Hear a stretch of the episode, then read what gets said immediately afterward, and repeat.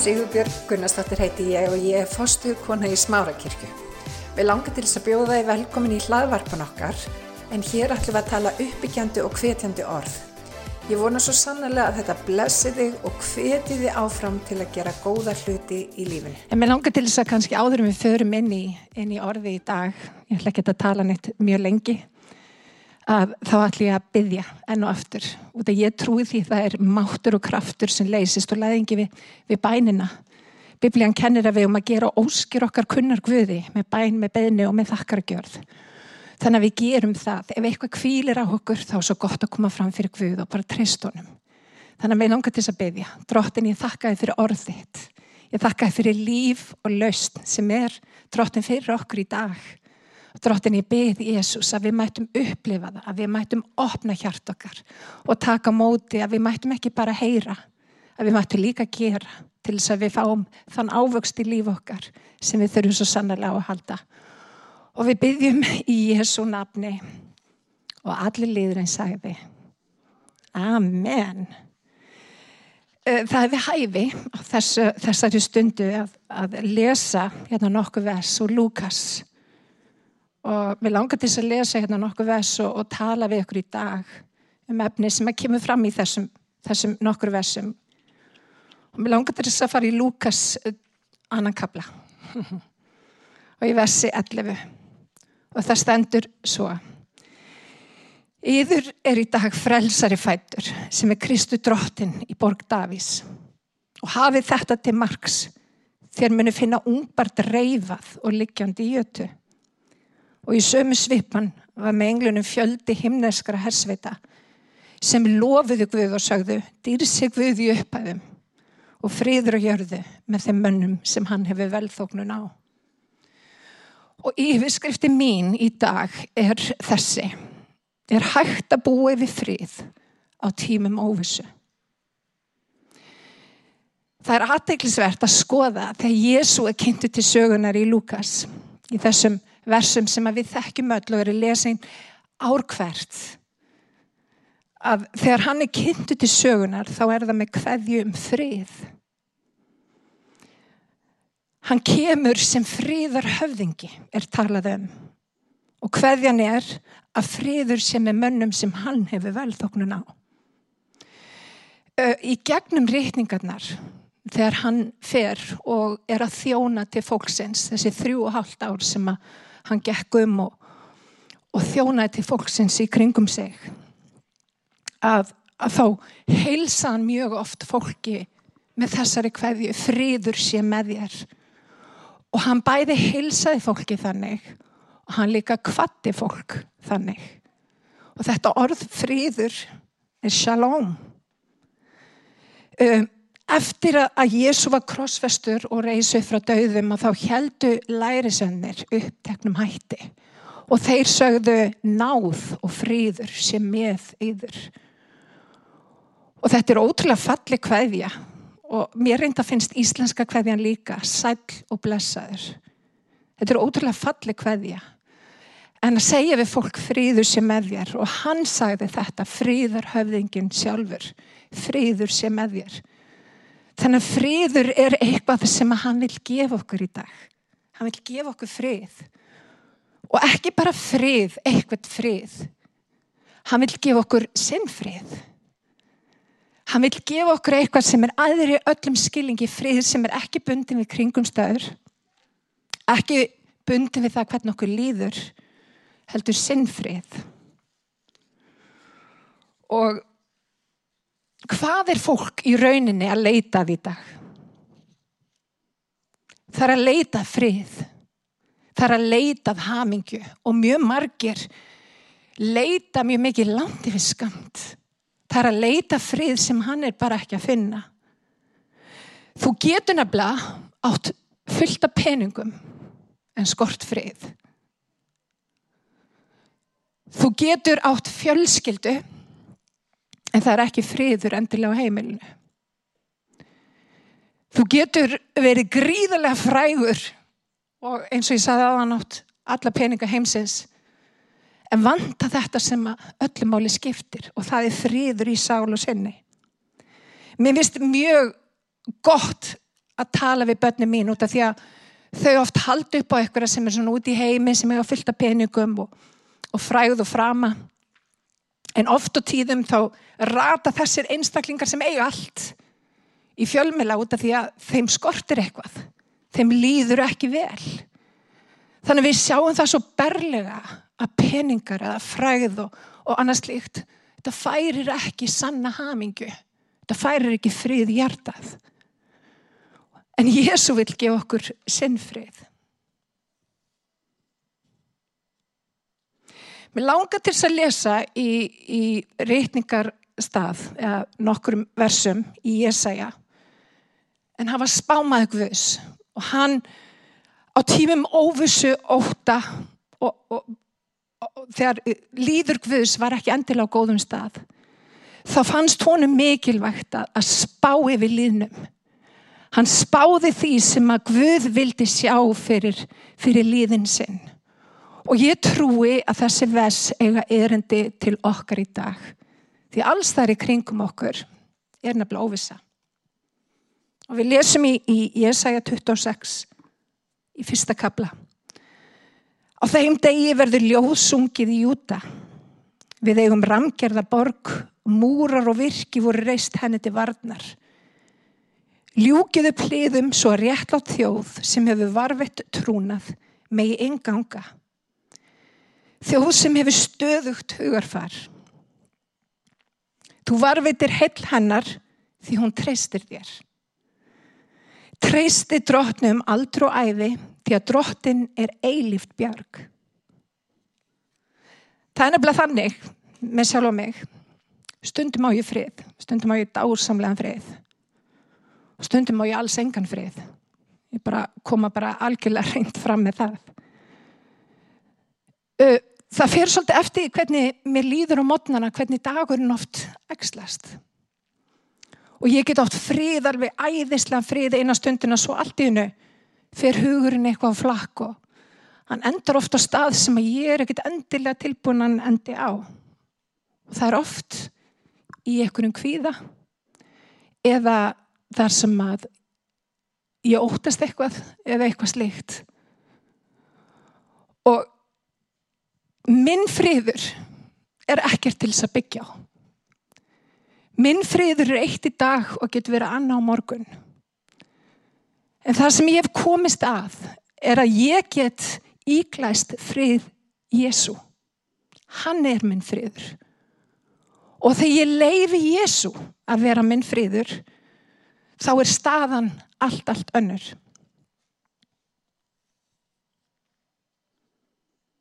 Það líður nefnilega oft á tíðum ekkert mjög langu tími á milli fríðar og ófríðar. En hvað vil Guð kenna okkur varðandi friðin? Hvað, hvaða leksja, hvaða prinsip virkar varðandi frið? Út af fyrir mér er það gríðarlega eftirsoknavert að eiga frið sem er aðri öllum kringustæðum í öllum kringumstæðum. Sérstaklega þessum kringustæðum sem að við erum í okkur núna það sem er endalus óvisa. Það veit í raunni enginn hvað morgundagurinn ber í skauti sér. Við horfum á þessar fréttir sem eru út um allt og, og við veitum ekkert hvernig þetta fer með COVID. Við vonum að þetta bólefni hafi eitthvað að segja en vinir, við þurfum að treysta á eitthvað sem er starra en, en, en, en pólitík eða, eða núverandi ástandi í efnahansmálum Íslands. Við þurfum að treysta Guði. Og ég trúi því að Guð vilji gefa okkur frið inn í tíma óvissu. Hann vil gefa okkur sinn frið. Hvað er fullkominn friður? Í Jésaja þá þýðir þetta stöðugt hugarfar. Það þýðir í rauninni friður. Það þýðir shalom. Og þetta shalom orð eins og ég kom inn á áðan, það þýðir að bæði sæl og blessaður. Það er bæði hverja þegar þú kemur, það er hverja þegar þú fer. Shalom þýðir nefnilega að vera heil, að vera fullkomnaður. Það þýðir fullkomin og algjör friður. Og hvernig lýsir friðurinn sér? Friðurinn er að sjálfsögja hvert Guði. Við höfum frið við Guð. Það er tenging á milli mín og Guðs. Og ég get komið fram fyrir Guð í djörfung. Án meðvitundar um synd. Af hverju út af því að ég er svo góð? Nei. Út af ég er búin að þykja frelsisverk frelsans. Hann fór á krossin fyrir mig og ég þáði það. Ég baði hann um að koma inn í líf mitt. Ég baði hann um að reynsa syndir mínar. Og í dag stendir hér. Ég er réttlátt. Ég get verið teinn rétt. Ég get staðið upplýstjör fram með fyrir Guði og það er engin skömm í okkar samskiptum og ég er búin að taka við frelsisverkinu. Og vinni þessin er svo mikilvægt að taka við því verki sem að Guð hefur gefið. En shalom þýðir meir en það. Það er ekki bara friður um milli Guðs og manna sem að hann hefur svo sannarlega gefið okkur. Það er líka friður okkar gagvart öðru fólki. Og vinni það er svo mikilvægt að vera að já okkur sé já og nei, nei í samskiptu við fólk. Að við meinum það sem við segjum og við segjum það sem við meinum og við eigum samskipti við fólk í kærleika. Shalom. En það, það þýðir líka innvortisfriður. Og mjög marga í dag vandar eða skortir það. Það er þessi friður sem að þessi fullvisa sem er í hjartanu að Guð er með okkur. En mér langar til þess að minna þig á að Guð er sannarlega með okkur. Hann hefur lofað að hann ætlar að vera með okkur. Það er það sem að sjalóm þýðir. Og Jóhannesi 16.33 stendur. Þetta hef ég talað við yður svo þeir eigi frið í mér. Í heiminum hafið þrenging en verið hugröstir. Ég hef sigrað heiminn. Hugsa ykkur. Verði hugraust því að ég, fríður höfðingin sjálfur, hef sigrað heiminn. Og það sem að margi kannski átta sig ekki á, þegar við tökum við Jésu inn í hjart okkar, þá tökum við líka við upprísu kraftans. Við tökum við friðinum, við tökum við öllu því sem að Jésu hefur að geima. En það er svo mikilvægt vinnir að við séum í Kristi. Ekki bara einu sinni í viku þar sem við erum, erum, erum kvött áfram með, með svona prétikun eins, eins og er í dag. Heldur að við séum daglega í Kristi. Að hugarfar okkar sé hugarfar Krist. Og hvað þýðir friður? Friður er ekki það að upplifa líf sem er án áskorana. Friður Guðs er nefnilega mitt í áskoran lífsins. Því að hann hefur sigrað heiminn. Hann hefur sigrað heiminn og hann hefur, hann hefur sigrað það sem að þú þart að standa frammi fyrir. Friðurinn nefnilega fæst ekki með því að vera fjari vandamálum. Friðurinn er fólkin í nærveru Guðs. Friðurinn er nefnilega sjónarhorn Guðs á verkefni lífsins. Það er friðurinn. Og margir spyrja sig af hverju er svona nöðsynlegt að koma saman og syngja söngva og, og, og lift upp Jésu með þessum hætti. Það er hann svona mikið á því að halda. Orðið er alveg skýrt að við eigum að koma saman og við eigum að syngja, syngja söngva, við eigum að lifta Jésu upp. En það er fyrst og síðast fyrir okkur. Það er til þess að við hættum að horfa með röra sína okkur eigin kringustæður og við liftum um augum okkar harra yfir okkar eigið líf og upp til hans. Lofgjörðin, því hann býr í lofgjörð síns líðs, lofgjörðin er svo mikið fyrir okkur. Þannig að leysir úr læðingi krafta hans þegar við fáum hans sjónarhótt á kringustæðnar. Þetta snýst um sjónarhótt vinir. Þar sem að eitt sér áskorun, sér Guð sem dækifæri. Og um leið og við erum tilbúin að skoða sjónarhótt drottins, þá breytist allt í líf okkar. Allt í unni fara hlutir sem einu sinni voru erfiðir að fara hann að vera mun léttari.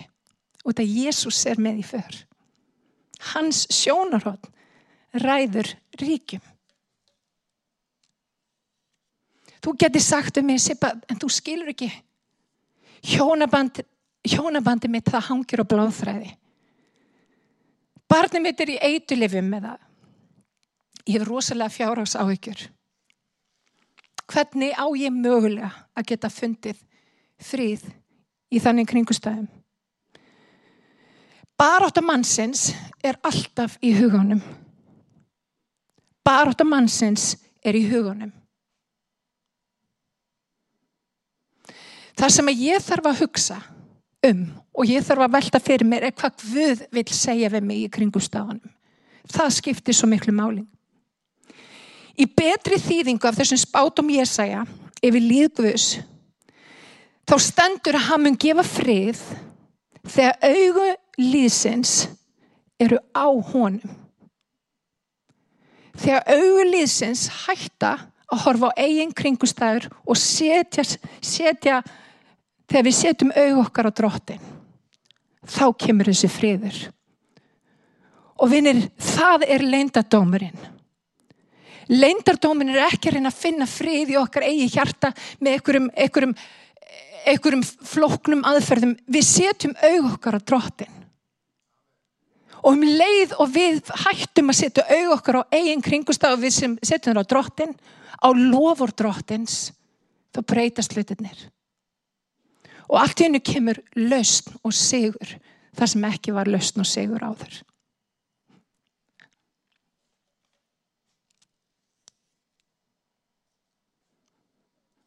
Þetta hef ég talað til þar, svo þeir eigi frið í mér. Í heiminum hafið þið þrenging en verið hughröstir. Ég hef sigrað heiminn. Þetta orða trista sem að líka kemur fram í, í orðum Jésaja spámans. Þú varvitir heil hennar því hún treystir þér. Treystir þýður að halla sér algjörlega í faðum frelsarans. Það þýður einnig að kvíla sig þetta dásamlegt.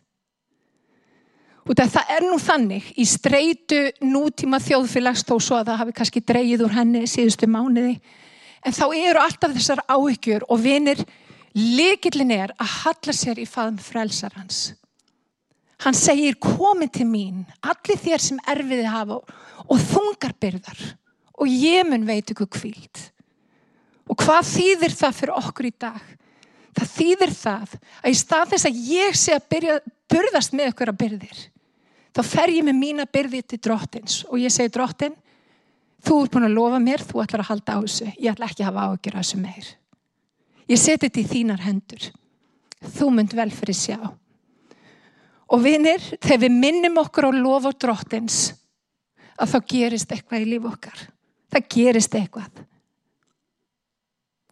Það er nefnilega ekki málið að treysta því sem er endilega í kringum okkur. Ekki setja tröst þetta á nýjustu COVID-frettir. Ekki góð hugmynd. Ekki setja tröst þetta á frettaflutning í kvöld eða ekki setja tröst þetta þar. Ekki einu sinni setja tröst þetta á pólitikusa. Því að fólk í aðli sínu mun bregðast.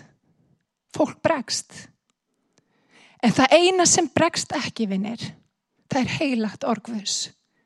Það er einn eilifi, óumbreytanlegi sannleikur. Þannig að þegar kvíðin kemur, vinnir, þá svörfunum með orði gvus. Þegar kvíðin læðist í huga mér, þá svara ég honum, ég segi allt, megna ég fyrir hjálp hans sem er styrkan görir. Hans sem býr í mér hefur sigrað heiminn Ég þarf ekki að óttast, ég þarf ekki að kvíða. Ég svara með orði Guðs. Og því meira sem að ég horfi á orð Guðs, því meira sem ég les, því meiri friður verður hlutskipti mitt. Þess að skiptir máli, og ég hef sagt þetta áður, hvar eru augun þín? Á hvað ert að horfa? Á hvað ert að hlusta? Hver er í þínum innri ring? Ertu með vini sem að byggja þig upp eða ertu með vini sem að tala dauða inn í lífið þitt? Þetta skiptir máli vinir. Það skiptir svo miklu máli að við vöndum okkur. Að við minnum okkur á hvern einasta dag þegar óttinn kemur. Þegar slæmi tilfinningarna fara að bærast í brjóst okkar þá segjum við allt megna ég fyrir hjálpan sem ekki styrkan gjörir. Hann býr í mér. Hann hefur lofað að hann með fullkomna það verk sem hann hefur hafið. Og vinir, um leið og við maður að beina sjónum okkar, rétt eins og ég segja spámaður talaði um yfir líðnum, þá mun friður Guður sem er aðri öllum kringum stafum, hann verður hlutskiptið eitt. Hallaðu hugaðínum að drotni. Leifðu hugaðínum að kvílast í orði Guðs. Hvert fer hugur þinn þegar hann leitar lausum hala? Ég skal bara segja ykkur það, minn hugur fer út um allt. Og hann fer oft á staði sem ég bara kann ekki við. Þess vegna skiptir svo miklu máli. Eins og Jésús sagði, shalom, shalom friður. Ég tek við hans frið. Ég minni mig á og ég, ég tala við sjálfa mig út frá orði hans. Ég minni mig á hver Guð er og ég minni mig líka á hver ég er í Guði. Og þegar við gerum það, vinnir, þá erum við búin að segja að mun varvita hugsanir okkar.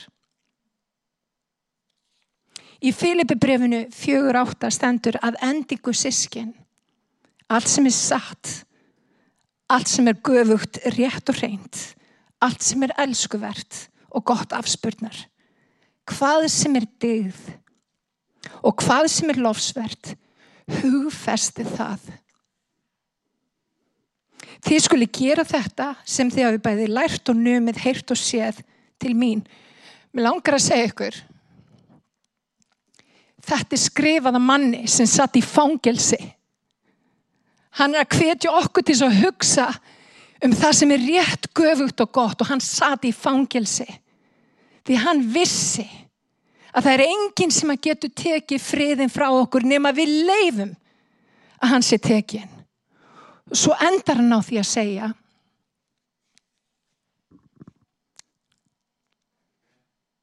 Þið skuli gera þetta sem þið hafi bæði lært og nömið, heyrt og seti mín og Guð friðarins mun vera með ykkur. Guð friðarins er með ykkur og er með okkur ef við höllum okkur á hans brjósti. Guð friðarins er með okkur þegar við erum í honum og því meira sem við erum í honum, því meira upplif við frið og það sem að Guð vil gefa okkur. Þannig að í staðin fyrir að leita langt yfir skamt, í staðin fyrir að reyna að búa til eitthvað system sem að virkar í okkar hjarta, í staðin fyrir að reyna uh,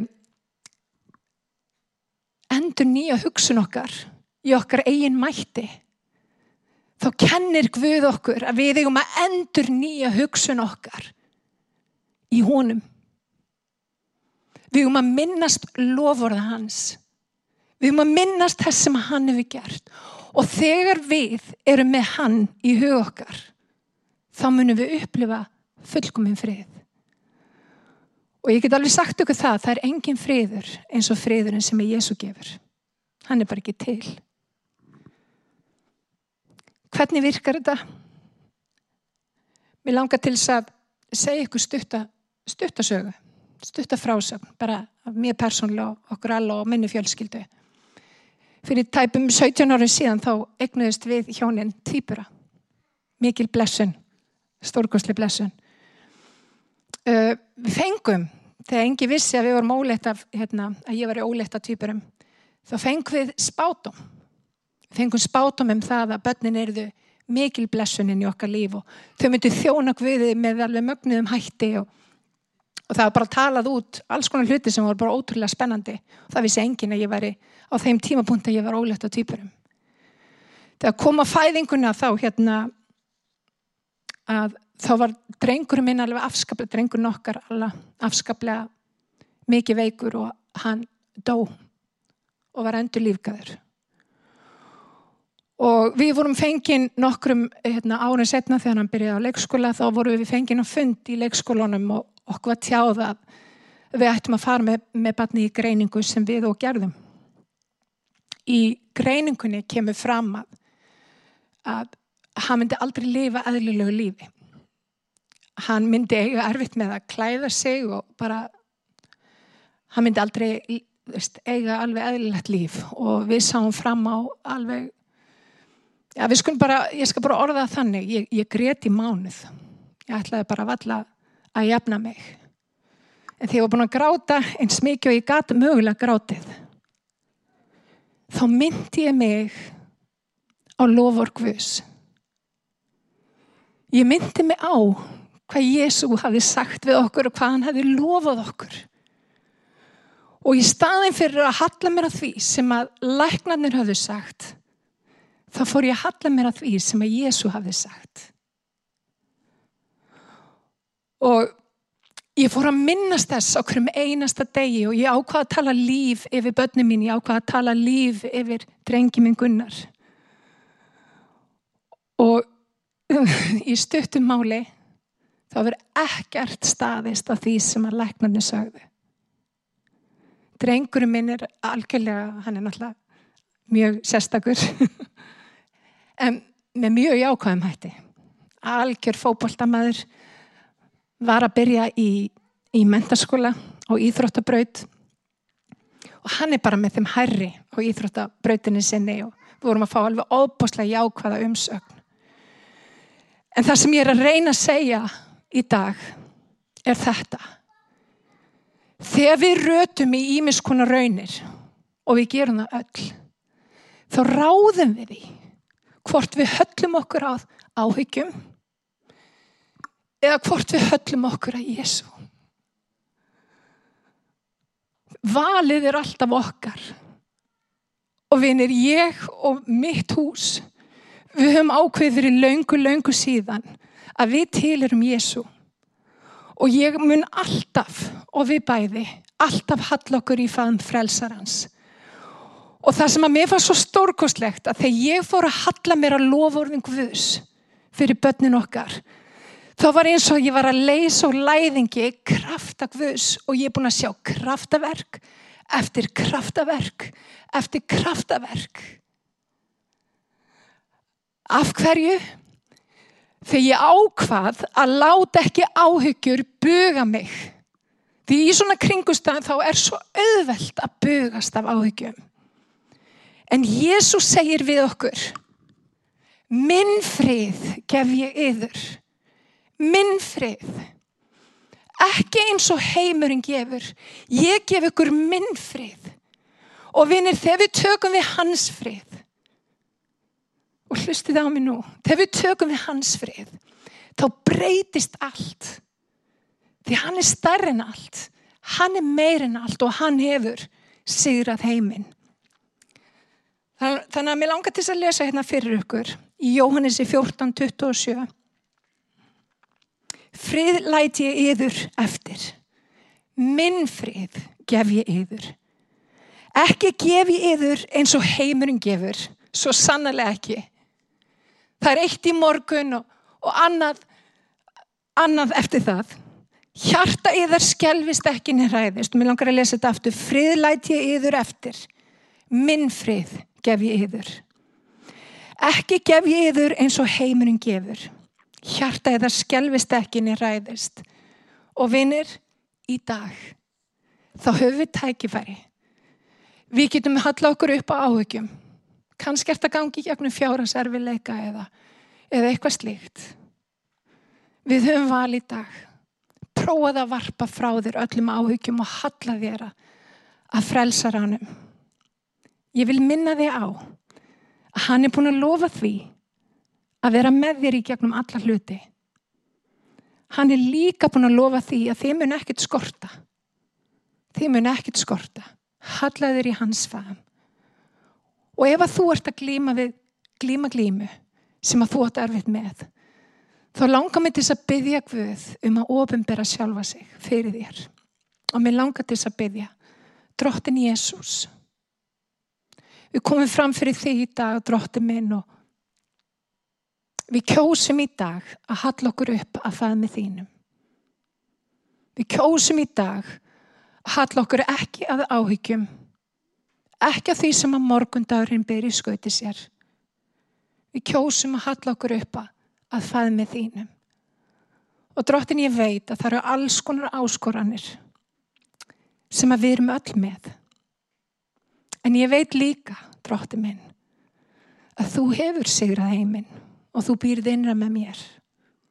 Og þú býrð innra með öllum þeim sem að taka við þér í trú. Og ég byrð, drottin, að friðurstinn á þessari jólaháttíð verður meir en okkar mannlegi skilningur. Og við byggjum í Jésu nafni. Og allir liðinu sagði, Amen. Rétt að lokum, ef að þú hefur ekki tekið við Jésu og þeir langa til þess að taka við honum, þá er bara ein bæn á milli þín og drottins.